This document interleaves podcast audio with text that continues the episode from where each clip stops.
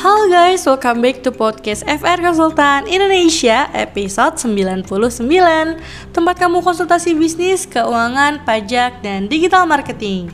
Bersama saya Mutia Neta. Di episode kali ini saya akan menemani kalian nih dalam beberapa menit ke depan Yang pastinya dengan topik yang seru dan membangun buat kaum milenial, UMKM, dan para pebisnis lainnya.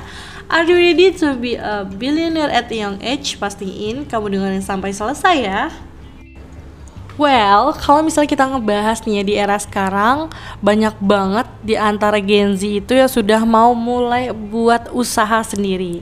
Nah, pastikan yang namanya usaha itu kita harus meriset dan melihat apa sih yang kira-kiranya happening dan bakal laku untuk jangka panjang. Nah, yang akan kita bahas kepada kali ini adalah tips membuka usaha dan memulai bisnis untuk para generasi milenial agar lebih sukses.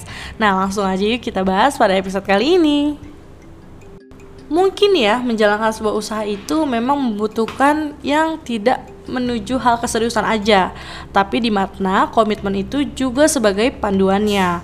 Jadi bisa dibilang kita itu harus berkomitmen yang harus kita jaga terus-menerus sampai bisnis ini berlangsung.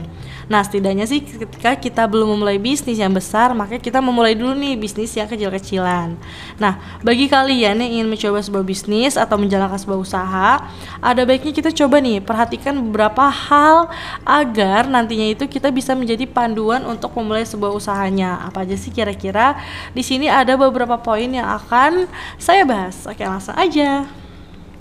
Yang pertama adalah coba deh kita awalin dulu nih untuk fokus untuk rencana bisnisnya yang kita jalanin. Nah, dengan fokus dan komitmen pasti kita akan yakin untuk bisa membuat lebih siap dalam mencoba menjalankan sebuah bisnis di awal pemula bisnisnya. Lalu kalau misalnya kita uh, sudah mencoba sebuah bisnis, jangan lupa juga kita harus suka dan minat dengan apa yang kita ingin jual karena kan pastinya itu akan jangka panjang ya. Nggak mungkin kan kita itu menjual barang yang tidak kita suka juga. Nah, selain itu juga kita juga mulai sadari dini untuk memahami, mengerti konsep bisnis apa sih yang kita jalanin jadi tidak terburu-buru untuk bisa menguasai. Jadi tetaplah untuk coba perlahan tapi dengan cara seperti itu juga sekaligus untuk belajar dengan benar. Next, mungkin kita bisa belajar juga dari orang-orang sukses yang di bidang yang kita jalankan. Belajar bukan berarti kita langsung tetap cari tahu dari banyak sumber terkait orang tersebut ya, menjalankan bisnisnya, tapi kita juga harus um, merisetnya terlebih dahulu.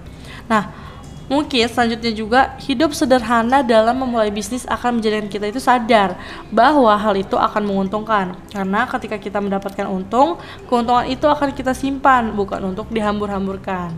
Next, kalau misalnya kita membuka usaha juga nih ya, jangan jangan lupa juga untuk mencoba belajar dari masalah. Jadi kita tuh dikit-dikit tidak boleh down ya teman-teman semua. Baik kesuksesan ataupun kegagalan adalah salah satu hal yang baik kita lakukan dengan baik karena masalah itu juga baik ya baik buruknya pasti kan ada hikmahnya di dalamnya. Nah berikan sesuatu juga yang menurut kamu itu terbaik bisa dilakukan. Ketika kamu punya keyakinan bahwa bisnis kamu adalah bisnis yang terbaik maka secara alam bawah sadar itu nanti juga akan berusaha terus menerus meningkat kualitas dari bisnis tersebut. Nah yang terakhir juga jangan lupa untuk selalu menjaga diri untuk kamu dan bisnis kamu. Nah itu salah salah satunya untuk kita bisa survive. Karena kesuksesan itu tidak bisa didapat dengan jalan singkat. Butuh proses dan butuh memakan waktu yang cukup lama. Jadi untuk teman-teman semua yang mau mulai bisnis semangat ya. Prinsip yang kita pegang dalam sebuah bisnis sih sebenarnya ketika kita ingin menjalankan bisnis maka salah satu caranya adalah bisa tahu tips mulai bisnis mana yang akan kita jadikan panduan. Nah, karena itu namanya panduan sudah pasti ada plus minusnya. Jadi kita harus tahu nih di mana plus minusnya itu. Artinya kita tahu strategi apa sih yang harus kita jalankan agar sukses nanti. Nah, kira-kira gimana sih pembahasan kali ini menarik ya buat para teman-teman ataupun Gen Z yang ingin memulai sebuah bisnis. Thanks banget ya buat para teman-teman semua yang sudah mendengarkan hingga selesai pada episode kali ini. Nah, untuk mendapatkan lebih banyak tips dan trik tentang bisnis, keuangan, pajak, dan digital marketing, kalian bisa pantau terus ya podcast FR Konsultan Indonesia dan tunggu update Anda di Instagram at FR Konsultan Indonesia. Kalian juga bisa belajar edukasi bisnis ada di TikTok, Pinterest, dan Instagram. Oke, okay, see you next pada episode-episode berikutnya.